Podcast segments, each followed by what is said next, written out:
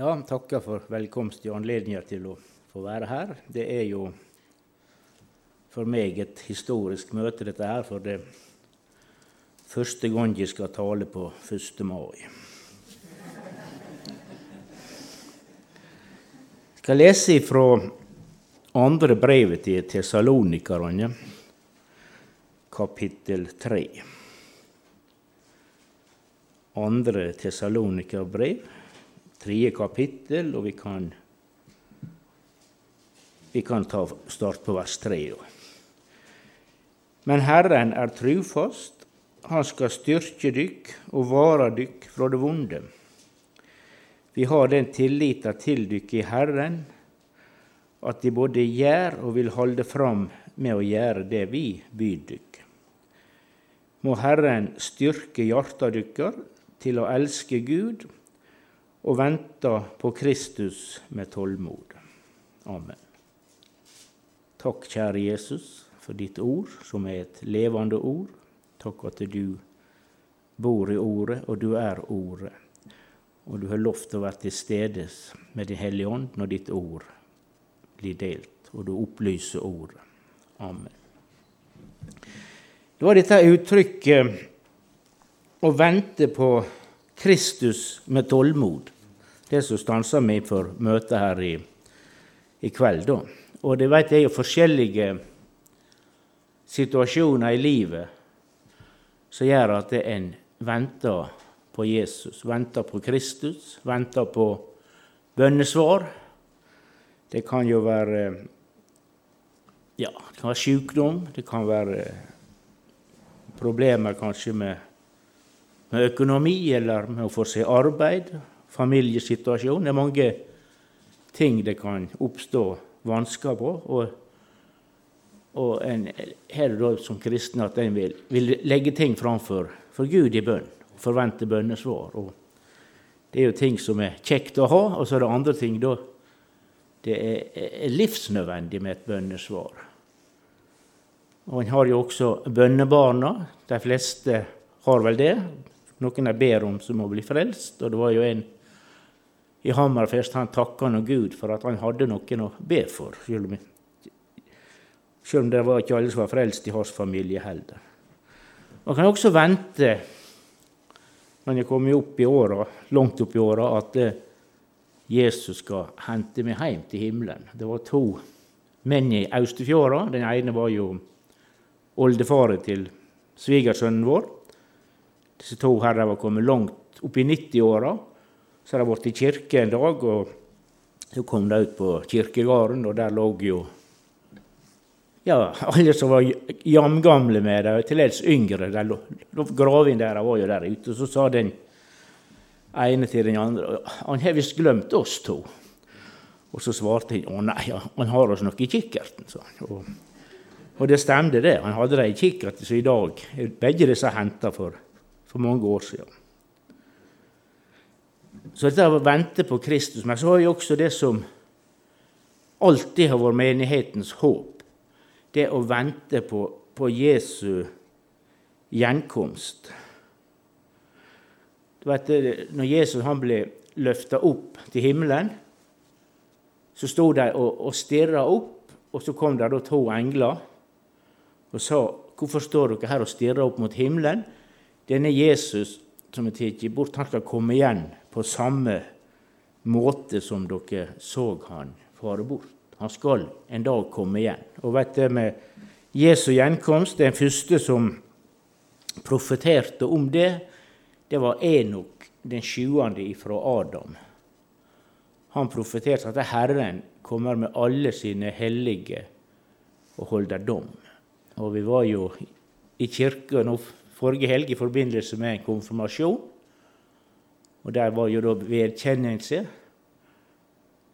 i tror på Jesus, altså skal komme igjen og dømme levende og døde. Men de har lyst til å sette et komma, at han skal komme igjen. Han skal jo dømme levende og døde, men det tror vi ligger jo over 1000 år fram i tida. Men jeg tror han skal komme igjen for å hente sin menighet. De som døde i krist, trua på Kristus, og så vi som lever. Jesus skal komme igjen og, og hente, hente sin, si menighet. Og dette her er jo, etter det jeg har lest, så er det nevnt 319 ganger i Bibelen. Og det er jo et prinsipp i Guds ord at når noe er viktig, da blir det gjentatt. Dåpen skal visstnok være nevnt 25 ganger, og Jesu gjenkomst skal være, være nevnt 319 ganger i Det nye testamentet. Så dette er en sannhet som virkelig skal understrekes. I Volda så hadde jeg i tidligere tider russeaviser, de som var russ. og så var det russeavis. Da har de forskjellige definisjoner. Da. Og så pinsevenn. En som tror at verden ikke står til påske. For det var jo, det var jo en del eh, åndelig liv. Det var jo flere i Trondheims tid så var det flere da som gikk skole i Volda, som ble misjonærer, bl.a. Marit Landrød og Åsebø sine og Karlsen som for til Kongo. Så, så dette her, pinselæra, den var jo sikkert begynner å bli kjent litt i, i disse her skolemiljøene også. Så pinsevenn det var en som tror at verden ikke står til påske. Men altså, vi, vi forkynner ikke verdens undergang. Det, for de som er klokere enn oss og lærde, de, de forkynner verdens undergang. Og De ser dette her, det går galne veier, så skal en sette inn tiltak. Da, men det er ikke alltid jeg får til å virke. Men altså, vi, vi forventer at denne verden skal stå i hvert fall 1000 år til. Og når denne verden ikke står lenger, da forventer vi en ny himmel og en ny jord, der rettferdigheten bor. Så, så dette her med Jesu gjenkomst det, Iallfall i vekkelsestider så er dette sterkt framme. Tenk på så mormora mi hun, altså Den åndelige død det var, det var fjernt for henne. Hun venta på bortrykkelsen. Så klagde hun at folk var så opptatt med været og det jordiske. Men hun var veldig opptatt hun, med, med gras og dette styret der. da. Og, og, og, så har hun hatt en ljå, og den har hun slitt ut. Og da tok hun og lånte en ljå med naboen. Og Han var jo fra Nordfjord og lite kjent med pinsevenner da. Nei, det skulle ikke ligge igjen noe ljå til Antikrist, sa hun. Så hun, hun lånte med naboen. og Han, han syntes sikkert det var fornuftig. Kan tenker at det var jo gale for en kristen å være så gjerrig, da, men hun var ikke gjerrig. Hun på slutten ble hun satt under administrasjon for ikke hun skulle gi vekk alt. For de måtte ha litt, de som hadde ansvaret for å passe også. Men, men altså, det skulle ikke være noe unødvendig kostnader. Du må bruke pengene til misjon og evangelisering. Og de første kristne de hadde denne her forventninga til til Jesu gjenkomst. Disse her Galilea-mennene de sto og så opp til himmelen. Men, men, det var ikke det de skulle gjøre. De skulle gå tilbake til byen og bli ikledd kraft ifra det høye. Og, og, Paulus, når han skriver om, om bortrykkelsen, så skriver ikke han om, om, de som lever, men vi som lever.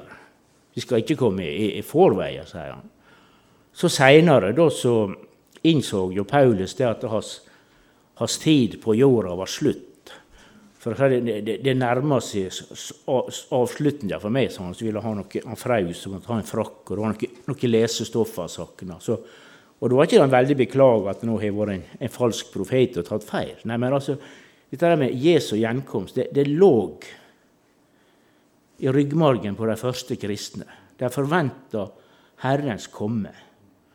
Og så står det da at de, der, de solgte De som hadde hus og, og jorde, de, de det og la det for apostlene sine føtter. De hadde alt felles, og ingen mangla noen ting. De, de hadde det de trang, alle sammen. Og her er det kanskje en nøkkel. For vet du, det som skjer i dag, at det eiendom og rikdom det blir oppsamla. Det er flere og flere som eier mer og mer. Så skjevfordelinga med, med, med, med, eiendom, den, den, bare øker på. Men så det var der i, Jerusalem da, så så det ut at nøkkelen var at alle hadde alt felles. Og de solgte jord også. Altså, ja, jord. Og i Israel så var jo det Det var jo ikke råd å selge jord. Om en stakkar var uheldig og gikk konkurs, så måtte han jo selge. Men hvert 50. år var det jubelår, og da måtte alle som måtte ha solgt eiendommen sin, de fikk det tilbake. Så lå du nær inntil et jubelår, da fikk du lite og ingenting for eiendommen din. Var du 49 år, så kunne du få en god del, men egentlig så var det bare antall avlinger som var solgt, og ikke grunnen. For det var veldig viktig. Og jeg så da han, han som var gift med Jesabel, hva han heter da, Akab Han ville ha en vingård til en mann. Han ville ikke selge, vil ikke selge arven min, sa han. Og så ordna Jesabel ut at han fikk noen til å sverge falskt, at han banna Gud og kongen, og så steina den, og så gikk han og skulle innta denne arven, og så var det profeter som dukka opp. og ja, ødela glede over denne arven som han hadde rana til seg. Så altså, å selge jord i Israel det var jo helt utenkelig. Men likevel så, så gjorde disse første kristne det. Hvorfor det? Ja, Jesus kommer snart igjen. Hva skal vi med hus og jorder? Vi kunne da solgt alt vi eide, vi som var samla her i dag. Det hadde blitt en bra sum. Og så kunne vi bodd her i lag på Elim. Så, så det vært kjekt kanskje en stund, men i det lange løp så har det vel begynt å slite både på den ene og den andre. Og det var en broder Jon i Ballangen sa det, det de gjorde der i Jerusalem, det var, det var i grunnen ikke riktig. det, sa han, for Noe seinere leser vi om at de, de har jo kommet i nød i Jerusalem, og de måtte til å samle inn penger til dem for å, for, å, støtte dem, for det har blitt fattigdom. Så det, det, fungerte ikke, dette eiendomsløse samfunnet heller. For dette med å, å, eie noe og ha lov til det og glede seg over det, det er jo en Guds velsignelse, det også. Men så er det som de sier i Kina da har du mer enn tre ting som eier ting av deg. Men leste jeg en historie om eiendom. Det var noen som var i Amerika. Det var en svær fabrikk. Godt fin og velholdt og effektiv, og masse biler utafor. Og så var det snakk om hvem som eier fabrikken. Ja, det var en, en riking da, som var så rik at ikke vi kan forstå det. Det er hvem som eier bilene her? Ja, det er vi, disse arbeiderne.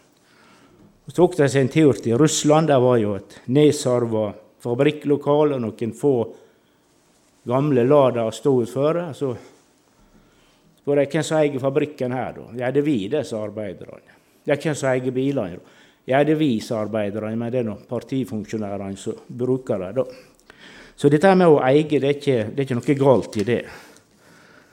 Men eh, det er jo så mange. Men altså, dette med Jesus' snare gjenkomst De solgte, for de, har ikke, de venta Jesus komme igjen. Og i min ungdom da jeg var i Oslo og studerte teologi det var det der femukeskurset da, Jeg var jo ikke fullt 30 år. så ja, Philadelphia og Oslo der har for seg et storprosjekt. Der skulle jo endevende lokalet og flytte plattformer. Et skikkelig stort og dyrt prosjekt. og Amatre var jo forstander i Sandefjord. Der skulle jo menigheten bygge nytt lokale. og drister du si jeg sa til de store guttene er, er det nødvendig dette her nå, da? Å begynne å legge inn penger i lokale og greier.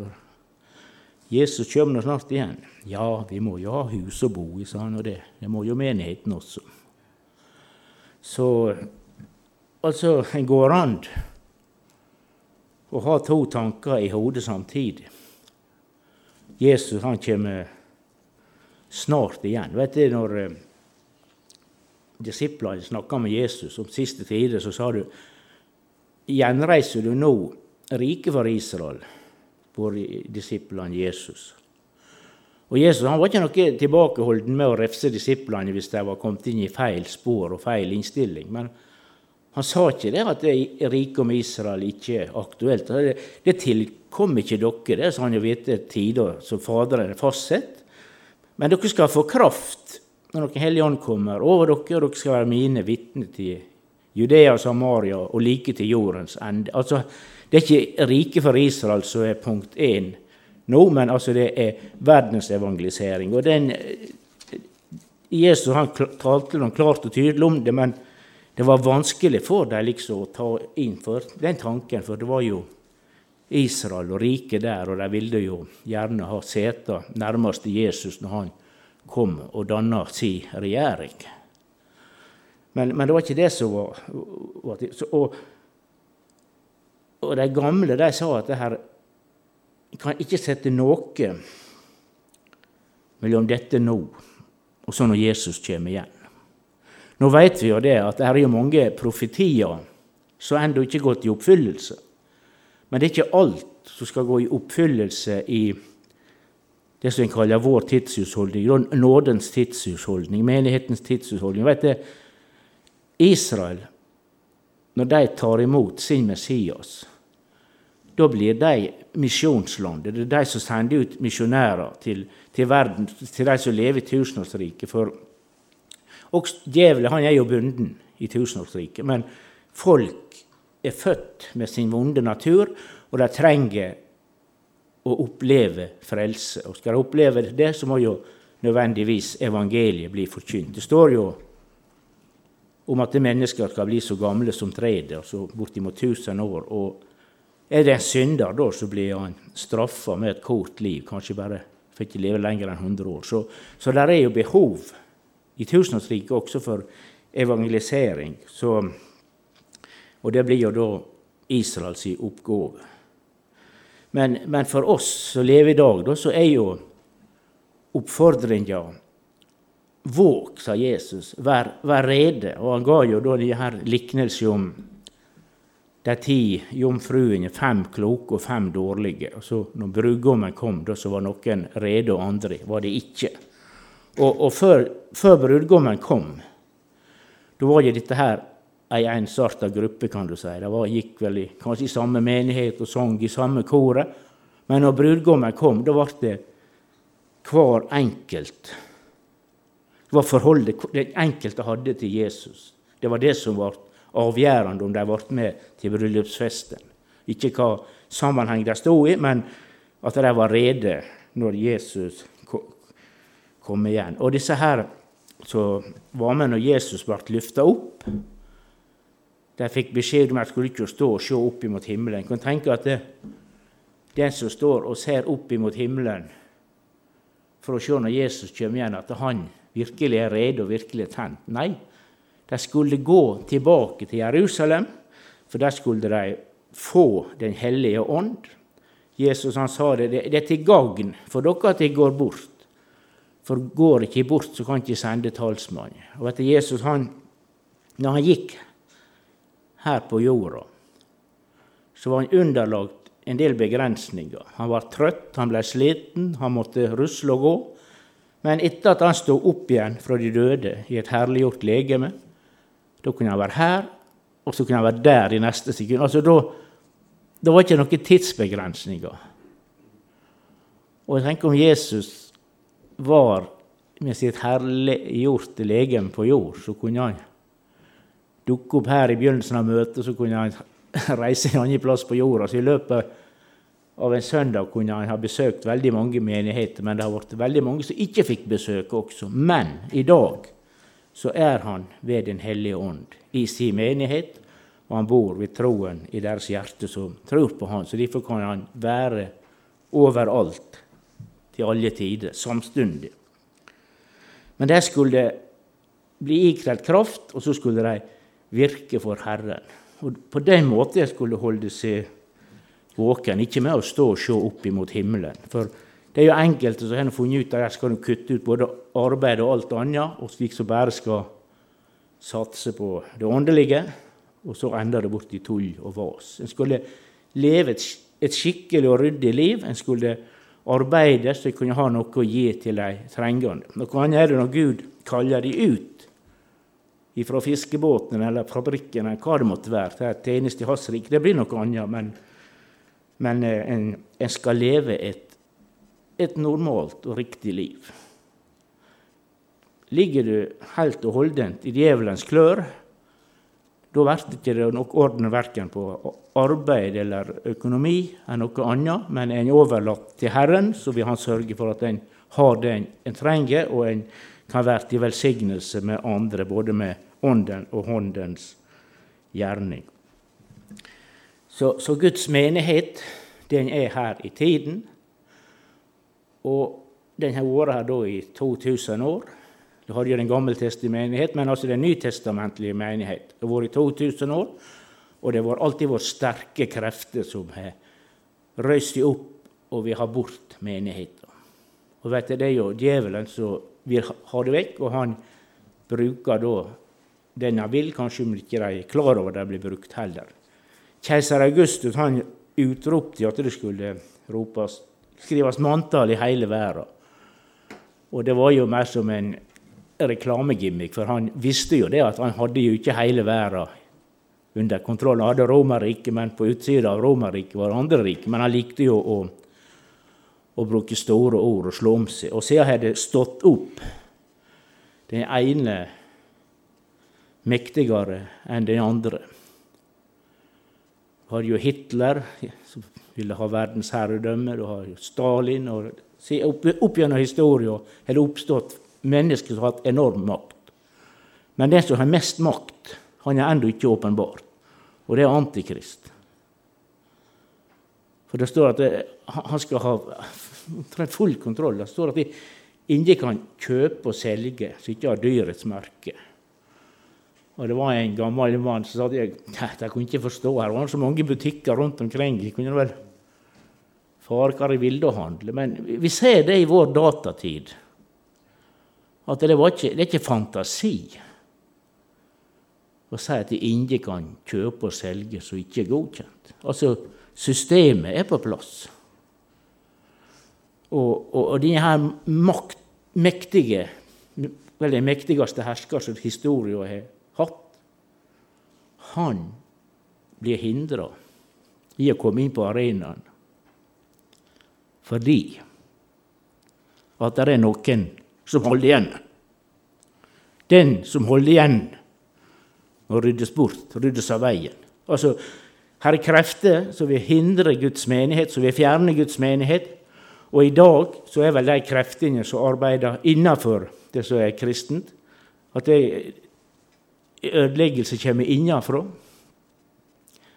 Men Guds menighet er en maktfaktor i åndens verden.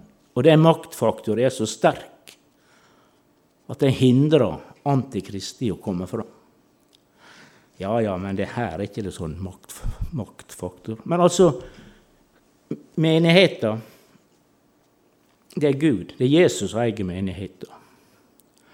Og han bor i menigheten, og han våker over menigheten, og han virker gjennom menigheten.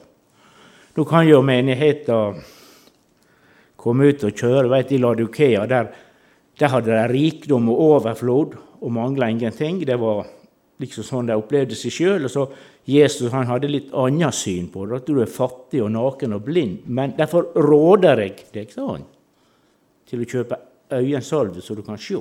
Altså han, han tok ikke styring og makt over menigheten, men han ga et råd i kjærlighet. Så var det Filadelfia. De var arm og fattig og naken, syns de. Og så sa Jesus, 'Du er rik'. Altså så Guds menighet, det er en maktfaktor i åndens verden. Det skal jeg være klar over. Altså, det er ikke heilsvart. Han bor i menigheten, og han våker over sin menighet. Og menigheten skal ikke utryddes, men hun skal løftes opp i herlighet skal møtes i skyer. De døde i Kristus skal først oppstå. Disse her som levde og, og trodde på bortrykkelsen, jeg skulle oppleve det. Ja, jeg var skuffa. Nei, det ble ikke det. For de blir rykka opp før oss. De skal ikke komme i forveien. Vi skal sammen. Ja, det blir ikke før, men de står opp. Altså, de, vi, ikke, vi som lever, vi kommer ikke før de som er hensover, men sammen så skal vi rykkes opp i luften opp i skyer for å møte Herren. Og står ikke vi skal skremme hverandre med bortrykket, men trøst òg hverandre med disse ord. Det er trøstens budskap, og vi kan være trygge i at vi er rede i kraft av Jesu forsoning på Golgata. Begynner en å se inn i sin egen barm, da vil en kanskje bli grepen av fortvilelse og angst og redsel. Mannen når fram. Men skal stå der, de, de så opp til Han, så det var gjennomstynget, og de rødma ikke av skam. Frelsen i Jesus Kristus den er fullkommen og trygg. Og han, Jesus, som begynner en gode gjerning i ditt liv, han er mektig til å fullføre det. For han er i stand til å fullføre det han begynte på. Det er ikke alle som er like lett å arbeide med. Det var noen kunstnere i Volda i gamle dager. En som var kunstmed, som het Dahl, og så var det noen kinsarvikere som var treskjærere. Og så, De var venner, gode venner, disse her, men de var ikke så pratsomme. Så var det en dag da Dahl holdt på i smia, og så kom han Kinsarvik og så på ham. Dahl han hamra og Vanskelig, sa han. Det han holdt på med, var vanskelig. Her Kinsarvik han var fra Hardanger. Ja, Det kom en mann med en trestubb en dag og ba meg lage en Jesus av han. Det var vanskelig, det. Så han skulle lage en Jesus ut av en trestubbe. Og Jesus han kan arbeide med oss om vi skulle være treistubber. Så kan han få fram i oss det som han vil ha fram til sitt navns ære.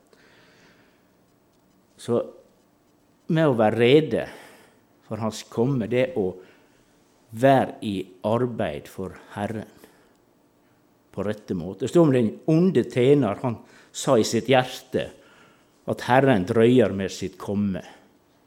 Og så begynner han å slå medtjenerne. Han var bare opptatt av sin posisjon. Men skal, for han hadde en hjerteinnstilling det, det er lenge til jeg skal stå fram for Jesus. og Ting skal ordne seg underveis. Men det, det er viktig. Det kommer regninger, så er det veldig greit en har anledning for å betale til hvert. Og Sånn er det også i forhold til Gud og vår neste. at en skal ha Er noe skyldig, så la en få gjort opp så fort som råd og ha korte oppgjørsrunder med Gud. For en kan ikke tenke seinere, da skal en gjøre det. Men altså i dag så er noen Så en skal vente på Kristus med tålmodighet. Og samtidig skal en være klar til oppbrudd.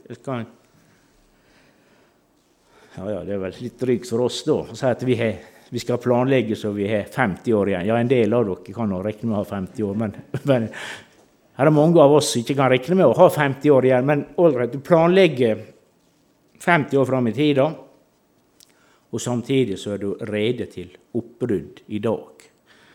Det var vel Luther som sa, det var for han det var tillagt, at det, om jeg visste sånn, om jeg visste at Jesus kom igjen i morgen, så ville jeg likevel plante et epletre i dag. Det er viktig å ha et, et framtidsperspektiv over livet for å ja, Far min var jo med i sånn jordskifte. Vet, før så var jorden var en liten lapp her og en liten lapp der. Og så i den moderne tid måtte prøve å slå sammen og skifte ut jorda, så fikk større areal. Så var det en dommer der, han hadde jo mange historier. Han fortalte det var en gang det var en plass, så var det ja, Bøndene var veldig ivrige da og ville tale sin egen sak, hvor dette her skulle ordnes. Men var det en han Nei da, en kort stakket stund vi skal være her nede. Det er ikke så nøye med det, ingenting. Hadde ikke, var gift, men hadde ikke bånd. Og Dommeren ble irritert på slutt. Du, du plikter du til å ta vare på eiendommen din. Det, det plikter de. Nei, det er en kort stakket stund, så er det slutt der nede. Nei, det var ikke noe å bry seg om. Ja vel, de måtte jo avbryte da på høsten, og så var det nye starta opp igjen saka på våren. Og da kom han og ledde på en liten gutt og hadde baklomma full av sjokolade. Hva er dette her for noe, sa dommeren. Jau, det er sønnen min, jeg og kona har tatt til oss et barn. Og da ville han ha alt. Da var, ikke, da var, det veldig nøye med Da var ikke det en kort, stakket stund. Så det er viktig at vi har et, et perspektiv, at fram, framtid. Men vi arbeider på det som virkelig har framtida for seg. Det, det, er jo Guds rike. Du vet det her med, med tinga vi har med biler spesielt, og så hus. Altså det, det forfeller. og En svær bil for mange år siden det var ikke verdt noe i dag. Men, men det med Guds rike og tjenester der, den har lønna med seg. En kan kanskje synes at det, en har fått så lite ei tjeneste. Tenk på han som fikk én talent. Han, han grovde ned, han tok ikke vare på det. Men å arbeide for Guds sak, det, er, det lønner seg. For Gud han lønner rikelig tilbake, og endemålet for vår tru, det er sjelens frelse i himmelen hos vår Gud. Jeg hadde en onkel han lå på kne for Ebenezer i Volda. Så plukka han ugras. Ugras. Og det var ingen som så så jeg noe til hans tjeneste. For han, det viste ikke igjen noe, for ugras var ikke der. Men han, han har sett det som sin tjeneste. Og, Det blir også en oppfordring om å ta, ta vare på tjenester har mottatt i Herren. På, oppe i Alta så jeg på et bilde der var, på Betania var det et sånt broderi. Frelst for å tjene og vente. Og vi skal vente på Kristus med tålmodighet. Abraham han klarte ikke å vente, og de fikk jo da Ismael. Og det ble da til stort problem både den gangen og i dag. Vente på Guds tid. Så vi skal vente på Kristus med tålmodighet. Så Gud vil velsigne oss til at vi, vi venter, og vi sitter ikke på venteværelse, vi sitter ikke i godstoler med fyrstikker opp under øynene for å være våkne, men vi tar vare på den tjenesten Herren har betrodd oss, og så vil han plutselig en dag rykke oss opp. Eller om vi må gå gjennom døden, så når vi er i Guds arbeid, så, så han, sørger han for at vi er rede. Amen.